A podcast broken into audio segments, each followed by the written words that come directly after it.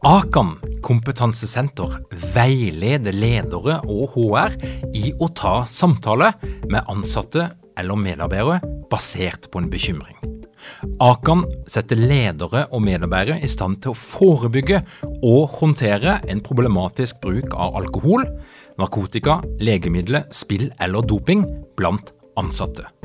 Ønsker du å lære mer om god forebygging og gjennomføring av samtale med en som du er bekymra for? Da kan du nå få tilgang på Akan sitt digitale samtalekurs til spesialpris, kun 760 kroner. Målet med kurset er å gjøre deg tryggere i det som kan være en krevende, men viktig samtale å ta i lederrollen. Du får tilgang til kurset med å gå til samtalekurs.no, samtalekurs.no, og bruke kampanjekoden LEDERPODDEN. Tilbudet gjelder ut april.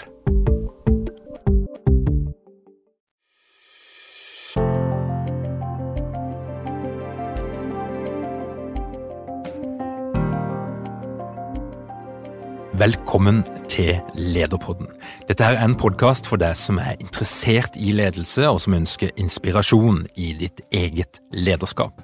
Mitt navn er Tor Åge Eikerapen. Jeg jobber som organisasjonspsykolog, og i denne podkasten intervjuer jeg ledere og fagpersoner som har en historie å fortelle.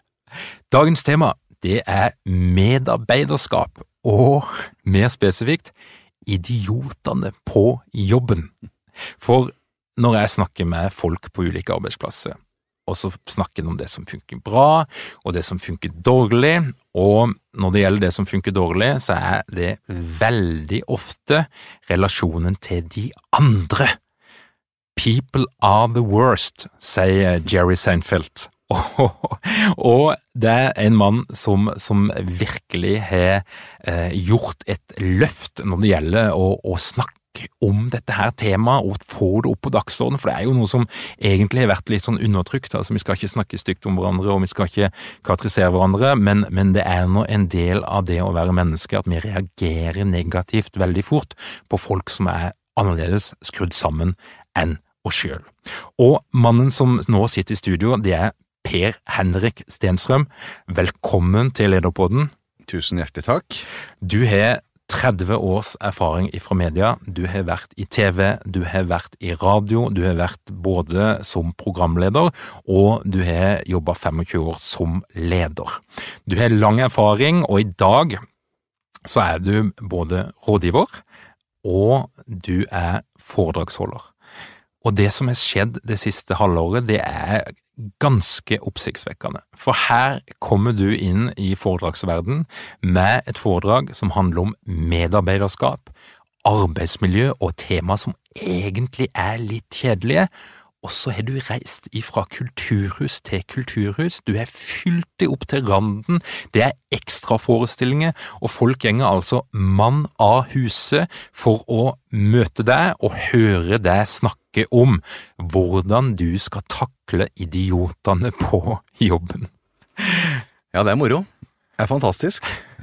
Og er det som har skjedd her? Og, og, for, la, oss, la, oss, starte litt. Grann. Ifra å ha fastlønn til å hoppe inn i et eh, såkalt fritt fall. Mm. Eh, eh, og, og, hva er det som skjedde der for noe? Og hva er det som var greia? Jeg hadde jo vært, ja, som du sier, leder og, og jobba i en bransje som jeg er veldig glad i, og vært utdanna journalist, og, og, har jo da trivdes der med mange ulike oppgaver. Men så har jeg liksom, kjente jeg jo veldig på at jeg hadde kunne tenke meg å gjøre noe på egen hånd og starte noe for meg sjøl, og, og, har jo alltid vært glad i å holde foredrag. Jeg, jeg, jeg, husker på videregående så skulle vi holde foredrag om ja, de i klassen holdt vi skulle holde foredrag, og i dag begynner man jo med dette her i barnehagen, men, men da var det eh, fotball, eller det var fotballaget sitt, eller det var kaninen, eller det var ja, alle mulige rare temaer fordi man skulle Mens jeg holdt da et, jeg holdt foredrag om hvordan man skal holde foredrag.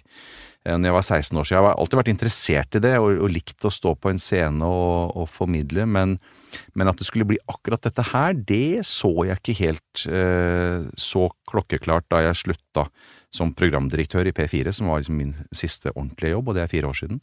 Snart fem år siden. Eh, så har det vært en, en helt fantastisk eh, reise å få lov til å snakke om da disse ja, brysomme forskjellene som oppstår på arbeidsplassen. Og, det er jo, og jeg tror det, det handler jo nettopp om at jeg har turt å snakke om det som er aller vanskeligst, som du sier. Folk. Idiotene. Mm. Og, men, men, og, og, hva er veien din? Altså, det er jo mange ting du kunne snakke om med din breie erfaring. Eh, det er en rekke tema, men hvordan ramla du inn i akkurat dette her? Hvordan skjønte du at dette her er noe som eh, noen bør eh, snakke om? Jeg eh, har jo jeg, det, det, var vel egentlig Jeg har jo holdt eh, mye kurs i eh, mediehåndtering ja, og eh, hvordan få redaksjonell omtale og sånne ting, og starta en sånn karriere hos Confex for veldig veldig mange år siden. Og da var det en av mine eh, prosjektledere der som, som, sa, som, sa, det at vi har et kurs her som, som alltid er fullt sann, og det, det er slik eh, Eh, håndterer du eh, vanskelige personer eller noe sånt, altså litt sånn konfliktmegling og sånn. Og jeg tenkte at ja, det stemmer jo selvfølgelig. Og så er jo det det handler om på eh, arbeidsplassen også. Det er alltid noen som irriterer oss, da. Og så er det nok av foredrag og nok av folk som snakker om hvordan vi skal skape og få til et bedre medarbeiderskap, men det er veldig få som egentlig setter fingeren på det som er problematisk, da. Og, og, og jeg, jeg, gjør det veldig, og snakker om da alt som er krevende. Og det er jo to av fem misliker kollegene sine. Én av tre er misfornøyd med sjefen sin. Eh, og det er jo, jeg syns jo det er ganske mye. Eh, og så veit jeg at det er arbeidsplasser hvor folk eh, tenker at det er ikke mye her på avdelingene våre, er det ingen som tåler trynet på hverandre. Så her er det fem av fem, liksom. Så vi jobber mot, mot to av fem, vi nå, for å komme ned i et, et, lavere tall. Men vi bruker mye tid på jobb, vi velger ikke kollegene våre, og det oppleves som veldig krevende for veldig mange. Er det noen sånne typiske arbeidsplasser der dette her spiller seg ut i større grad enn andre steder? Jeg har nok trodd at det er en del sånne frie yrker da, som man snakker om, hvor det kanskje oppleves som, som mer krevende. Eh, men eh, jeg var og holdt foredrag her for Statens arbeidsmiljøinstitutt, og det er jo fantastisk å bli invitert dit for å snakke om arbeidsmiljø. Eh, men de har jo masse forskning og kunnskap om dette her. Og det er nok ikke så lett da, og, det, er, nok ganske gjengs, altså om man jobber i en kommune eller en, i stat eller i det offentlige eller Nav, eller om du jobber i en frisørsalong. Altså disse problemene er ganske sånn. Om det er en arbeidsplass med, mere, med flere enn to ansatte, så har du en idiot på jobben. Eh, en vanskelig kollega. Så eh, jeg tror opplevelsen er ganske lik uansett hvor du jobber. Stort sett så eh, er det nok det, selv om det kan være noen sånne variasjoner. Det som er spennende er jo at by og land, der er det jo noen variasjoner. Fordi folk som Jo lenger ut fra byene du kommer, jo mer fornøyd er folk med jobben sin. Nei, hva kan det være? Det må vel, tror jeg, ha noe med å gjøre at folk har kanskje færre valgmuligheter. Eh, jeg vet at denne arbeidsplassen her, det, det, er den som passer for meg. Det er et par andre muligheter her, men eh, jeg har nå vært her bestandig. Faren min jobber her, eh, og nå ser det ut som sønnen min kanskje får seg jobb her, så vi blir tre generasjoner. Og sjefen min er jo formann på fotballaget til sønnen min, så det er bare å smile. Og vi møtes på butikken, så her er det bare å, å rett og slett være fornøyd med og glad for at man har en, en jobb, mens rundt i byene og der hvor vi kanskje har større valgmuligheter, så tenker vi vel kanskje det at eh, ja ja, Tor Åge er en håpløs fyr, ikke sant, men sjefen kommer sikkert til å gjøre noe med det. Eller jeg kan jo bytte jobb. Eh, hvis ikke han slutter, eller hvis ikke sjefen håndterer det, så, så har jeg en rømningsvei her. Mens den, den døra er kanskje stengt da på, på, på, mindre steder. At man er mer happy og mer tilfreds. Og det er jo tankekors, tenker jeg. Da får jo kanskje folk øh, tenke innimellom at uh, la oss nå se for oss at jeg bor uh, i ytre et eller annet sted, uh, og at jeg skal være litt mer fornøyd med, med, jobben min, faktisk. Og det du egentlig sier noe om, det er jo at relasjoner er viktig for oss. En arbeidsplass, ja, det handler om oppgavene du skal gjøre, det handler om fag og, og alle de her litt tørre, rasjonelle tingene, men jammen meg så er jo mye mennesker skrudd sammen sånn at det føles relasjoner, det betyr mye. Ja. Og, men det jeg lurer litt på, det er hva er konsekvensen, i verste fall, altså av de her motsetningene som kan oppstå, og de kan jo håndteres på en god måte og en dårlig måte, ledelse, kultur, mange ting som spiller inn. Men hvilke konsekvenser er det du ser? Konsekvensene er jo også sånn åpenbare, selvfølgelig, at folk vegrer seg fra å gå på jobb, eller de gruer seg, eller de tar seg en tredagers, eller de blir sjukmeldte, eller i verste fall så blir de utbrent. Det er klart det er liksom eh, sånn direkte utslag, men jeg tror jo det at Eh, det utslaget sånn i hverdagen som vi kanskje ikke prater så mye om, er jo at vi velger å holde oss unna en del folk på jobben, eh, fordi det blir problematisk, og, og sånn sett så er vi jo egentlig ikke optimale medarbeidere. Det er litt sånn når jeg leier inn en snekker eller en og en rørlegger og en, og en maler i huset mitt som skal pusse opp, så forventer jeg at de skal samarbeide. De sender meg timer hver dag for jobben de gjør, og skulle vi ha sendt en regning hver dag til Roger til vår arbeidsgiver eh, for jobben vi utfører, så er det ikke sikkert vi hadde hatt like god samvittighet hvis vi hadde sendt en regning hver dag og tenkte at i dag bør jeg vel strengt tatt ikke sende en regning, for jeg har jo egentlig ikke gjort noe på jobben, eller jeg har ikke snakka med noen, eller jeg har ikke samarbeida med noen, og det er jo det som er vår evne sånn som art, da, er jo det at vi, vi, kan samarbeide, og det er jo det som har gjort at vi har klart oss bedre i verden her enn eh, de andre artene. også. og så holder vi oss litt sånn unna på jobben, da, og da, da, tenker jeg at da er vi jo ikke egentlig optimale medarbeidere. Da kan vi ikke sende den regninga hver dag til arbeidsgiveren vår som faktisk betaler oss. Eh, og det er klart, vi, vi tilbringer mye tid med kollegene våre, eh, mer ofte enn familiemedlemmer. Mange er mer sammen med kolleger enn familie. Og eh, vi fødes jo inn i en familie, og vi oppdager når vi blir eldre at der er det noen rare folk som vi må holde oss unna. Eh, og så gifter vi oss kanskje, og så oppdager vi at der er det jo en, en enda mer dysfunksjonell familie enn min egen. Eh, her er det enda flere jeg må holde meg unna.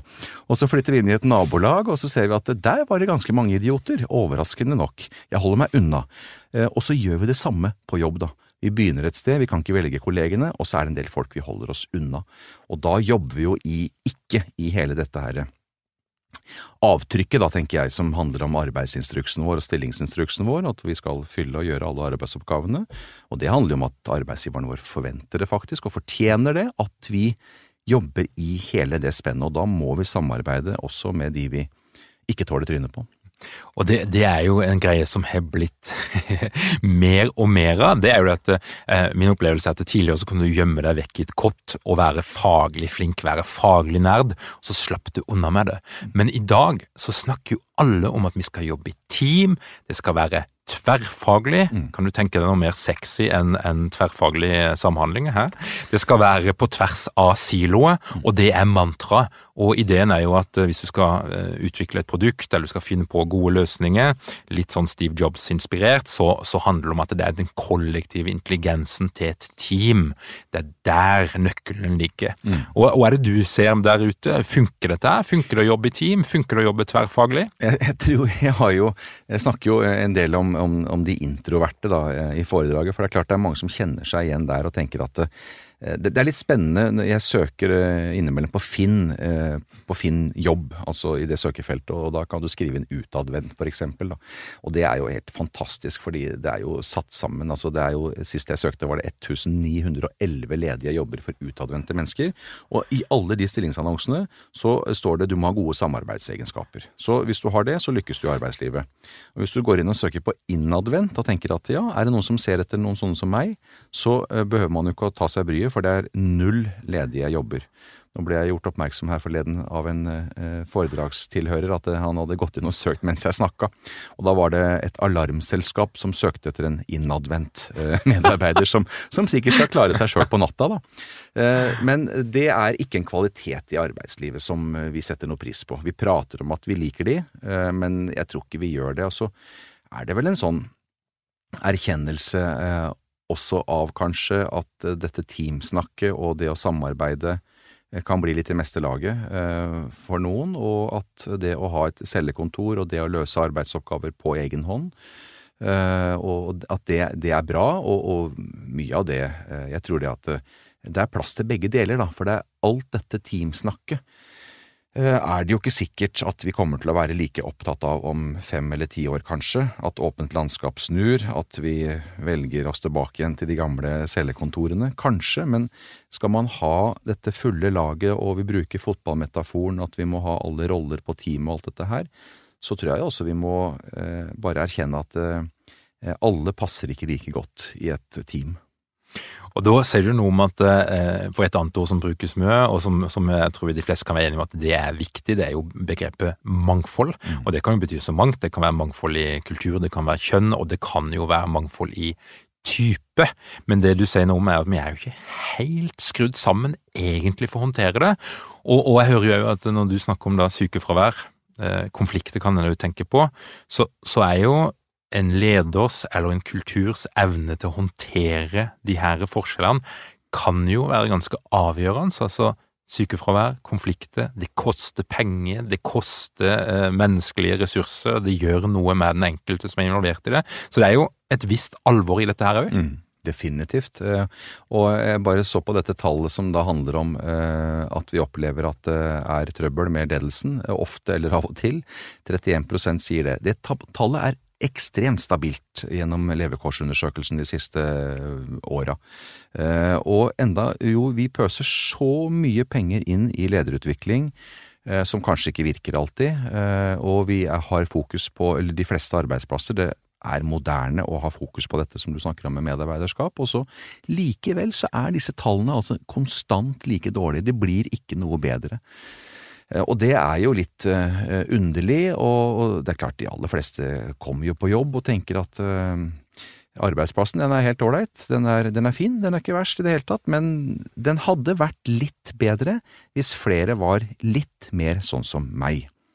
Hvor vanskelig kan det være å være litt mer lik meg? Og det er jo ikke så rart, vi syns jo vi gjør et godt stykke arbeid sjøl, og at vi prioriterer riktig, og at vi ja, utfører arbeidet sånn som det skal gjøres, og da er det jo irriterende at folk ikke er like oss sjøl, da. Som tante Sofie synger i, eller sier i Kardemommeby, ikke sant, tenk hvis bare alle var sånn som meg. Så veit vi jo innerst inne at det hadde ikke vært noe gøy å jobbe med kloninger av seg sjøl. Kanskje en dag hadde vært gøy, å liksom jobbe med kopier av seg sjøl. Eh, og så kjenner vi at det, det hadde jo ikke eh, funka eh, i det hele tatt. Men jeg tror den derre pratet som du sier om mangfold og at vi skal ha uh, ulike typer, og vi har uh, forskjellige kjønn, selvfølgelig, vi skal ha ulik etnisk uh, bakgrunn og alt dette her, og så, og så, er det noen som sier at ja, nå er det på plass. nå har vi både homofile og vi har utlendinger her, så nå er det i orden. Vi aksepterer annerledeshet, ikke sant? Det er jo ikke det det handler om. Det handler jo om at man skal utforske det og være litt nysgjerrig på det, og liksom kultivere og legge til rette for dette her, og utnytte disse forskjellene, og da må jo hver enkelt det, det tror ikke jeg er en lederoppgave. Eh, men da må hver enkelt litt opp i ringa og, og kjenne på at nå må jeg faktisk nærme meg den kollegaen som ligger lengst unna meg. Min motsatte kollega. Den kollegaen jeg tåler minst tryne på. Uh, og Jeg pleier å si det på foredrag, at gjør det ikke gjør det i morgen, for da blir det så opplagt at du nærmer deg en kollega som du da tilkjennegir at du ikke har tålt trynet på, men, men, at det er et lite prosjekt, da. Fordi uh, hvis det altså er en kollega som du naturlig eh, eh, ligger til at du skal kunne eh, ha noe kontakt med, så, så, så, er jo det ekstremt spennende å utforske, og det er jo da du først går opp og, og begynner å, å, mm, fylle hva skal jeg si, hele skoen eller hele avtrykket i, i stillingsinstruksen din. Da. Vi forventer jo det arbeidsgiverne. Vi forventer det. Og så flyr vi bare til heiagjengen vår med ideene våre og forslagene og, og tingene vi har lyst til å gjøre. Og så går vi til de faste, til øh, fanklubben, som sier at 'Å, du er så flink', 'Å, det er så bra', 'Oi, det er så flott', ikke sant? Og så søker vi aldri motstand, da. Uh, og kanskje gå med ideen vår til, til vår motsatte kollega og tenker at ok, jeg tar på meg vernehjelm og vernebriller, jeg kommer til å få juling, det går bra, ideen har godt av dette her, eller forslaget mitt har godt av å få litt motstand nå. Uh, og så er det jo ikke så farlig. Uh, og så er det jo sjelden sånn at disse menneskene som vi føler ligger lengst unna oss, uh, det er jo veldig sjelden noe personlig, men vi tror det. Vi tenker at han har noe imot meg, han Tor Åge. Han så, virker så iskald ved, ved kaffeautomaten. Og jeg har prøvd å snakke med ham, men nei, nå har jeg prøvd. Vi lar det være. Det, det, det, ligger jo altså noe i dette at vi, vi, nesten må jobbe mot vår eh, natur, vår psykologi. Det er jo noen eh, evolusjonspsykologer som mener at dette her med å irritere seg over motsetninger folk som er annerledes, det, det, er en grunnleggende del av mennesket. fordi at på et eller annet tidspunkt når vi bodde i hule, og, og eh, vi, vi, forholdt oss til vår gruppe, om det var en kamp om ressursene og hvem som fikk kjøttet og, og den slags, så var dette her konstruktivt. Altså det å ha en naturlig skepsis mot de som var annerledes, de som tilhørte ei annen gruppe. Mm. Men, men og lett er det egentlig å jobbe mot den der naturlige dragninga, som kanskje er liksom programmert i oss ifra langt ja, tilbake? Ja, det er jo hardkoda de luxe, dette her. Altså, den sterkeste definisjonen av en gruppe er jo noen, at noen ikke hører til. Eh, det er de andre, ikke sant. Og det er fascinerende nå med sånne kommune- og fylkeskommunesammenslåinger, og det får så store ringvirkninger, og fagforbund må jobbe sammen, og det er mange sånne, og jeg er rundt og prater på alle disse stedene her, ikke sant. Og, og så spør jeg liksom hva, hva, er, hva er problemet sånn hvis dere skal sette ord på det. Nei, det er mistenksomhet eh, går igjen, ikke sant. Og det er jo som du sier, det, helt, det, det ligger jo banka inn i oss fra millioner av år tilbake. Det er sunt. Det er bra. Men det er klart jeg syns jo det er godt det bildet, nå har jeg akkurat pussa opp hjemme, da, men hvis maleren min skal sitte hjemme og liksom være mistenkelig til elektrikeren som de skal samarbeide med, eller og synes at rørleggeren er en idiot og ikke gidder å prate med han fordi han gjør så mye rare Jeg kjenner han ikke, men jeg kan tenke meg, for alle rørleggere er idioter. Det er umulig å prate med. Og så sitter jeg da og skal betale hele dette gildet som en arbeidsgiver, da. Eh, så forventer jeg jo at de samarbeider. Så er det en annen hverdag, selvfølgelig, fordi det er et prosjekt som er pågående en uke eller 14 dager, og ofte tar det lengre tid enn det, og det blir mye dyrere, og alle blir sure og frustrerte. Eh, stort sett så er det jo noe annet å jobbe et helt liv, eh, og du har bestemt deg for noen kolleger som du da virkelig ikke tåler trynet på. Det er litt sånn nabokrangel, vet du, du har glemt hva det er for noe, liksom. Nei, Hanne, ja, har du prøvd å snakke med? Nei, men det går ikke. Ikke sant? Det var noen som prøvde for mange år siden, men han er helt håpløs. Men det fins jo øvelser man kan gjøre, og det er jo veldig gøy å holde på med sånne workshoper og sånn, som du også eh, holder på med, hvor, hvor man liksom kan legge litt til rette da, eh, for dette her, så du kan få noe verdt. Er du ikke mange ledere uten trening eller utdannelse innen ledelse? Mangler dykken en felles kultur og praksis for ledelse? Ønsker dykken å være bedre rusta for fremtidig vekst og endring? Da kan et internt lederutviklingsprogram være en god investering. I Execu så er vi eksperter på å designe og gjennomføre bedriftsinterne lederutviklingsprogram. Hvis du ønsker å lære mer om hvordan vi kan hjelpe dykken til å få enda bedre ledere, ta og klikk deg inn på execu.no.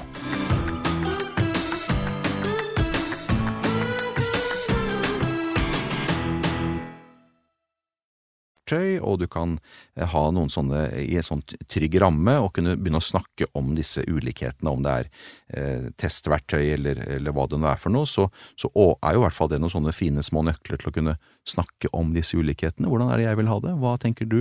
Eh, hva skal du se litt mer av hos meg? Hva skal du se litt mindre av hos meg? Og det løser jo helt, altså ofte det er fantastisk hvor du kan løse opp i liksom 10-20 år gamle sånne ja, um, det er egentlig ikke en, en konflikt, men, men, men hat, man har trodd det, ikke sant? Og så sier man kanskje noe hyggelig, hyggelig til hverandre, og så merker man at å, dæven, nå skjedde det noe i kroppen, ikke sant? Det var noe, eh, begynte å pumpe noen hormoner og så videre, og han er jo ikke så gæren allikevel, han Tor Åge, han er en ganske ålreit fyr. Uh, og, så, så det, det, må jo gjøres noe med det. Det er jo ikke sånn at tanken Det er ikke tanken som teller her. Man må begynne å prate om ting, mm. og det er jo det er jo litt sånn, jeg kan jo sitte ved et kantinebord jeg og uh, under lunsjen og ikke spise én en eneste ting, og så er vi ferdige, og så lurer folk på ja, hvorfor har ikke du spist noe da, Per Henrik? Nei, det var ingen som sendte meg smøret. Jaha, nei, men uh, hvorfor skulle Ja, men uh, du kunne jo bare ha bedt om smøret, ja, men det må du da vel vite at jeg spiser smør, jeg har gjort det her i ti år, og i dag var det ingen som sendte meg smør, ikke sant, så vi kan jo furte oss gjennom et arbeidsliv, det går fint an det. Eh, men skal du ha noe hjelp og få noe svar og, og, komme noe tettere på, så må man jo stille noen spørsmål da og vise noe sånn eh, nysgjerrighet. Det tror jeg journalistikken har vært en sånn bra skole i. Eh, det der å undersøke ting, ikke liksom ta for gitt at ting er som det er. For det lærer vi jo første dag på Journalisthøgskolen, er jo at du må drive kildekritikk. Så hvis Tor Åge sier at det er sånn, så er det jo mange som tenker at ja, men da er det vel sånn, da. Men journalist er jo skeptisk i bunn og grunn, og tenker at jeg må spørre noen andre også eh, om det stemmer at det er sånn som Tor Åge sier. Og så kan man jo ha da dette her fine ordet som heter i ditt fag perspektivbevegelighet, og det er jo egentlig det samme. Altså se saken fra et annet sted. Hvorfor mener han det? Eh, hva er bakgrunnen for at han har bestemt seg at det er den eneste rette løsningen? Det må jeg undersøke. Det er ikke noe personlig mot meg, men jeg er nødt til å liksom se det fra hans sted også. Og det kan gi meg noe innsikt, da. Så det tenker jeg i hvert fall at er en, en, en ting som journalister kan noe om, og undersøke litt. Ja. Og så har jeg jo et, et lite triks, og det er jo lange nachspiel. Mm. Det har jeg sett det iallfall kan ha en viss effekt. Det kan jo gå to veier, mm. men det er jo når to stykk tilfeldigvis dumper ned i samme sofa og blir sittende og prate til langt ut i de sene nattetimer, ja. så kan det jo være at en putter han her eh, kollegaen som, som, lå i den boksen som heter en spesiell type. Den, en litt uspiselig type som kan komme opp i den her boksen som heter eh, De jeg liker. Ja, ja. Så det er spennende. og så, så en liten kommentar til det. Det er jo eh, mange ledere de bruker en del penger på såkalt teambuilding. Mm. De kaller for teambuilding. Det de egentlig gjør, de henger ut og spiser, og så gjør de en aktivitet. Det kan være rafting, det kan være bowling, mm. og så tenker de at nå skaper vi samhørighet og, og samhold og, og, en forståelse for hverandre. Mm. Dessverre så ser jo jeg ofte at det, det dessverre det skjer ikke. Det er, det er, for lite, det er for overfladisk, det er for, det er for uh, lett. Mm. Uh, og, og, det er jo nettopp det du snakker om her, altså det å gå med, inn med en litt systematisk, litt faglig tilnærming. Uh, det er nok ofte nødvendig for å, for å få de her resultatene. Mm. Ja, da, og jeg hørte Henning Bang sa i poden din her også at det, det, er klart den der litt gammeldagse lederutviklinga med, med, fysisk aktivitet og sånne ting, og og det, har jo noe for seg, ikke sant. Det er jo en grunn til at Forsvaret sender deg ut på en sånn helvetesuke, og det, det lager jo bånd for livet. Eh, de som opplever det, og så er kanskje ikke det sånn som man gjør i arbeidslivet. Men, men, jeg, men jeg, kjenner jo også altså det der eh, Og i ledergrupper, da, fordi det må jo gjerne starte en ledergruppe også, dette her, og ha noe, ha noe sånn eh, grunnleggende interesse for hvordan man virker på de folka man skal lede. Og det er jo et interessant spørsmål å stille ofte til ledere. Liksom, har du noen har du, har du, tenkt noe på det? Liksom, hvordan du virker på gjengen din? Nei, altså, nei det, sånn er jeg, liksom. Sånn er jeg. Jaha og du kan ikke gjøre noe med det?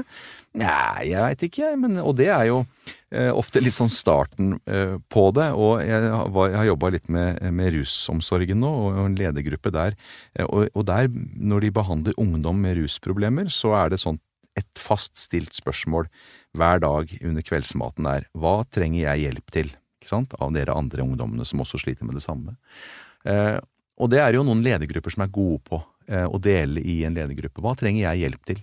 Men det er jo de aller færreste som tør å bare stille det spørsmålet, legge det på bordet og si at jeg, jeg trenger hjelp til noe, kjære eh, sidestilte lederkolleger. Eh, vi er jo så flinke til å rapportere og skryte, ikke sant, og tenker at eh, problemene mine, det legger jeg ikke på det bordet her.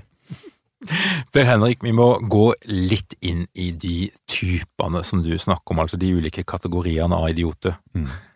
Og eh, det finnes ulike måter altså Vi mennesker har jo til alle tider vært interessert i å putte folk i boks. Som, før, uh, før, vår tidsregning så var det en som heter Galen, som begynte å snakke om at mennesker er ulike fordi de hadde sånn og sånn type væske i seg. og mm. det, det mange ulike teorier. Personlighet er jo en ting som er populært for tida, Big Five osv. Det er en måte å kategorisere mennesker på. Eh, men du, du, en, eh, du, du baserer jo det du snakker om, du baserer det på din egen erfaring etter 25 år med ledelse, og så har du òg en, en, en, teoretisk eh, tilnærming som du, som du tar med deg inn i foredraget. Ja. Kan du ikke fortelle bare litt sånn kort, hva, hva, hvor kommer dette her ifra? Det, det, er en, eh, Jeg gikk på Solstrand-programmet, som jo er et, eh, et, et fantastisk lederutviklingsprogram, eh, eh, hvor jeg møtte denne danske arbeidslivsforskeren eh, som heter Helle Hein, som har skrevet en bok som heter Primadonna-ledelse. Eh, og, hun starta jo sin arbeidslivsforskning ved eh, Rikshospitalet København og liksom undersøkte motivasjon for eh, ja, toppmotiv, eller motivasjon for innenfor en, en sykehuskultur. da. Eh, og har skrevet en bok og laget et arketypeverktøy. Eh, som, og jeg har vært borti sånne testverktøy i jobbsammenheng og i rekrutteringssammenheng og alt fra jungiansk typeinndeling og disk og altså eh, mange av disse her som jo har mye ved seg som, som er fint. Og så er det jo mange av de testene som lekker vann så det holder. Men, men, men det er jo For meg var dette verktøyet hennes Det var et, en aha-opplevelse. Altså fordi det, var, det er et enkelt refleksjonsverktøy. Det er ikke noe fasit på verden, eh, men det er et refleksjonsverktøy som kan hjelpe deg å tenke litt mer hvordan virker jeg på de jeg jobber sammen med, og hvordan virker jeg på de jeg leder. Og spørsmålet er veldig enkelt. Hva er motivasjonen for jobben din? Hva er det du blir motivert av? Hvorfor valgte du dette yrket? Hva, hva er liksom Aner ikke, husker ikke, jeg er ikke motivert lenger. Nei, men ok, men hva er det som gjør deg motivert, da? Så det er enkelt å hoppe inn i. Eh, forholdsvis. Selvfølgelig så vil man jo alltid kjenne at det er ingenting.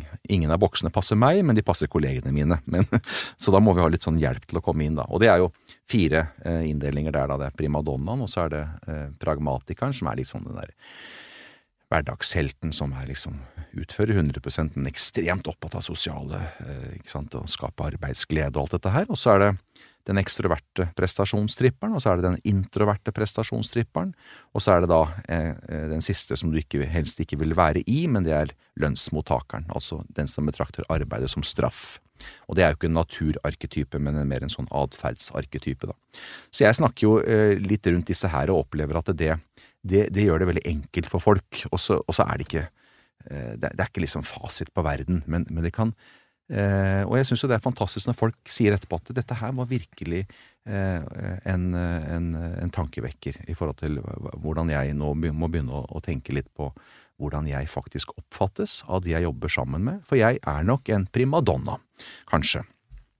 Som da er en, som er kanskje den mest ekstreme, den krevende medarbeideren som opplever arbeidet som et kall, ikke sant, og jobb er 24-7, og du er bare yes, jeg har familie og venner, men jobben er det jeg lever for.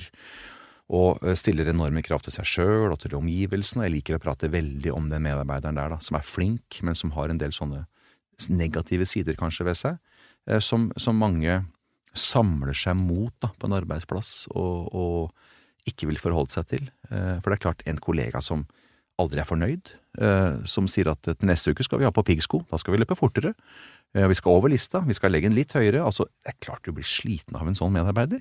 Hvis du er bare opptatt av å steke vafler og jobb er jobb og eh, har ikke noe liksom dypere eh, tanker om det, men det er hyggelig her, og that's it. Så da blir det bråk, da. Og Per Henrik, hva er det som, er det som gjør at Eh, du henvender deg jo nå til mm, skal vi si, privatmarkedet. altså Når du er rundt på foredragsturneen din, så er det jo folk flest som kommer der. Noen kommer i regi av jobben, men mange kommer på helt eget initiativ. De kommer som par, og de kommer som vennegruppe, og det er det ene og det andre. og Det er rett og slett en, en form for underholdning, samtidig som det er læring. Edutainment er kanskje det, det beste begrepet for ja. å beskrive det. Men, men hvorfor kommer de? Hvorfor er de så interessert i dette her? Det er jo eh, Jeg var på et kulturhus her forleden hvor de sa det at eh, vi ser at dette er et nytt publikum for oss, altså Kulturhuset, da. For det, det er ikke de som kommer på konserter, og folk lurte på hvor toalettene var, og folk lurte på hvor balkongene var, og de hadde ikke vært der før. Så, og det er jo hyggelig, eh, men det kommer en del grupper fra arbeidsplasser, som du sier. Uh, og så er det litt sånne vennegjenger. Uh, og det er jo bare å se på delinger og sånn på Facebook når man legger ut et arrangement, at folk sier 'Tor Åge, skal vi dra på dette?' Altså, for vi har jo samme problem. Vi har idioter på jobben, ikke sant? Og, uh, så det er den derre Og jeg pleier å starte med å si at nå er vi samla her, vi som sliter med idioter. Og idiotene, de er ikke her i kveld, for de går ikke på sånt, ikke sant? De er ikke noe opptatt av dette her. Så vi som er her, er i samme båt. Og Eh, det er vel eh, dette her at man kan få Man skjønner at dette er satt på spissen, eh, selv om tittelen kanskje kan være litt voldsom for enkelte, og kanskje enkelte ledere tenker at ja, men vi har ikke noen idioter her, så vi skal ikke dra på det. Tull og tøys. Ok, tenker jeg, da er det kanskje du som er den største idioten, hvis du ikke har liksom evna å tenke i det sporet. Men det er jo den derre Eh, ja, det å få noe sånn jobbpåfyll på kveldstid opplever jo mange som eh, ålreit. At man kan dra felles og spise middag før eller etter. Eh, og at man kan få kjenne litt sånn på å le litt av kollegene sine. Og så oppdager man kanskje at man ler litt av seg sjøl også. Og at det kan være noe verktøy der da, som man opplever at det er ja, noe tankevekkende, og som jeg kan faktisk kan gjøre noe med i morgen. Som gjør at det kanskje blir noe bedre. Et enda bedre arbeidsmiljø. Det er jo ikke sånn at man må være helt ned i gjørma for å komme på dette foredraget, men de aller fleste kjenner jo på at ikke sant, det, det, er liksom, det er noen som skulle ha vært annerledes. Eh. Og så får vi ikke gjort noe med folk, dessverre. Har, det fins ikke medisiner eller eh, preparater ennå som kan klone eller skape kopier, så da får vi jo lære oss til å leve med de folka vi, eh, vi har rundt oss. Men jeg, jeg tror at de som kommer, de, de, er en gjeng fra jobben, og det opptar så stor del av livet vårt at det å høre om noe som er arbeidsrelatert i en underholdende form Jeg vil jo få folk til å le. Eh, det, det er en form som, som folk ja, trekker imot, da. Det er jo hyggelig, det.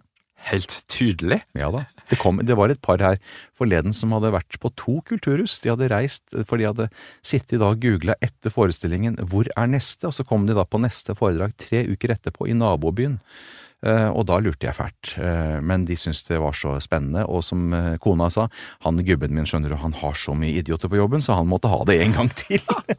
så det er rett og slett en fanklubb som etter hvert begynner å bygge seg opp her, og som, som møter opp? Ja da, nei, det er, det, det er, kanskje å ta i, men, eh, men, det er jo veldig Og det der uttrykket idiot er jo eh, Jeg måtte google det her, og det fins ulike litt sånne eh, tolkninger, altså hva ordet i sin opprinnelse betyr. Men det betyr egentlig en person uten yrkeskunnskap. Så Uttrykket stammer jo fra arbeidslivet. Grekerne definerte dette her for noen, noen, tusen år siden. Altså en som ikke kan noe om jobben sin, som ikke er opptatt av å utvikle seg, få påfyll, eh, bli bedre, eh, og som ikke har eh, yrkeskunnskap, er altså en idiot. Der kommer ordet fra. Så, vi, så, det stammer fra arbeidslivet. I dag bruker vi det jo hele tida, spesielt i trafikken, overalt, om naboer, om alle, ikke sant, men det kommer fra jobblivet vårt. da. Så, og det må jo være i familie med, med yrkesstolthet, da tenker jeg. Altså, har du mye yrkesstolthet, så har du mye yrkeskunnskap, og da er du ikke idiot. Per Henrik, du, eh, du, har vært leder, og du treffer mange ledere, og det er mange ledere som hører på denne podkasten.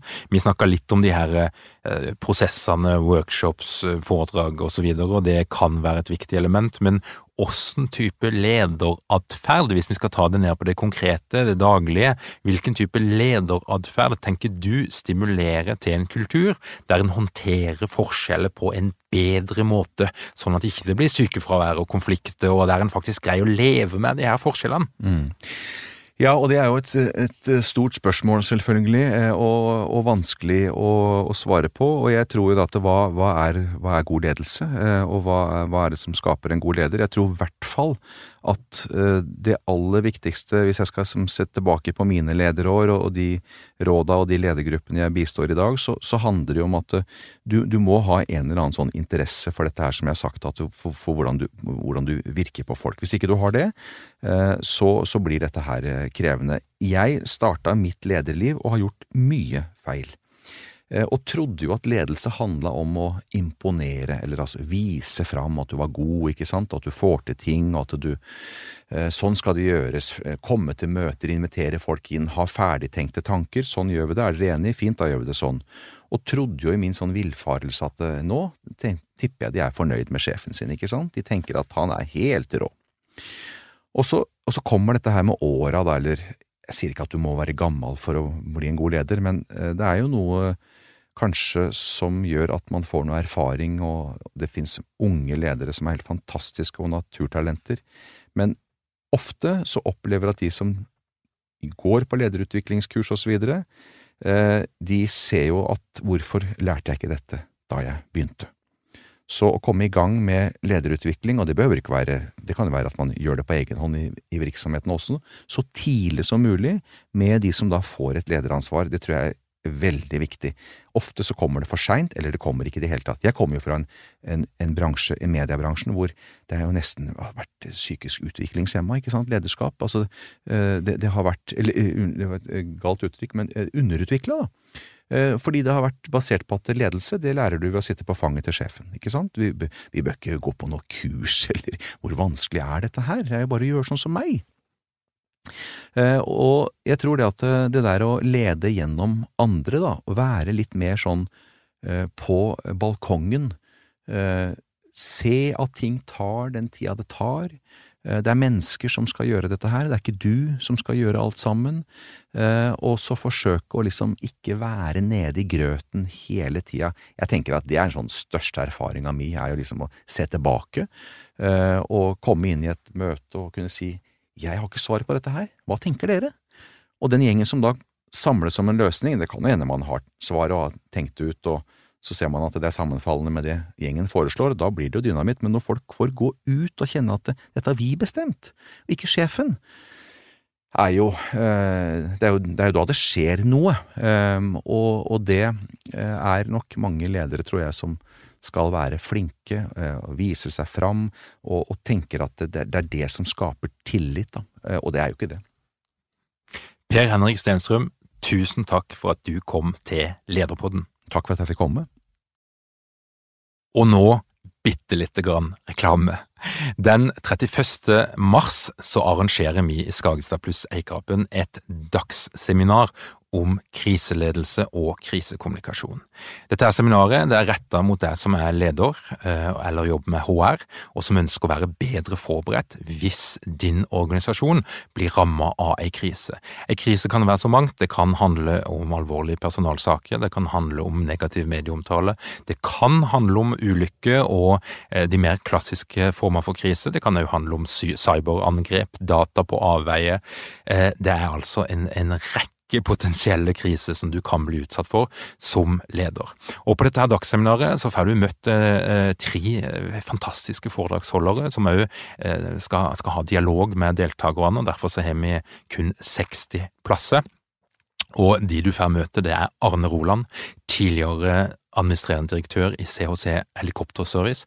Han sto med roret når Turøy-ulykka ramma landet og 13 personer omkom i helikopterstyrten, og han deler sine erfaringer fra å stå som leder i en ekstrem situasjon. Du vil også få møte Elisabeth Skarsbø Moen fra rådgivningsselskapet Synk. Hun er spesialist på krisekommunikasjon, og hun jobber med noen av landets største selskaper. Blant annet så sto hun ved siden av Arne Roland eh, når eh, ulykka ramma CHC Helikopterservice. I tillegg så vil du møte Dag Nordbø. Han var ansvarlig, og han var direktør for kommunikasjon og lederutvikling i National Oilwell Varco, som er et oljeutstyrsselskap eh, med, som hadde hovedbase i Kristiansand og, og eh, blir styrt ellers ifra Houston. Han var ansvarlig for å trene de lederne som skulle gjennomføre en av Norges største nedbemanningsprosesser, der altså eh, National Oilwell Varco gikk fra å ha 5000 ansatte til å, å, sitte igjen med 3000. Han vil gi konkrete råd, han vil gi praktiske tips på hvordan du kan eh, forberede ledere på å gjennomføre store endringer i organisasjoner. Så hvis du ønsker å lære mer om det å lede i krise, og hvis du ønsker å være bedre forberedt på krise som kan ramme din organisasjon, så uh, ber jeg deg sjekke ut ledekrise.no, og dette her skal altså foregå 31. mars, og det er i Kristiansand på Scandic Bystranda, og det er 60 plasser for å skape dialog, for å skape erfaringsutveksling, og jeg kan garantere deg at dette her er noe du vil få stort utbytte.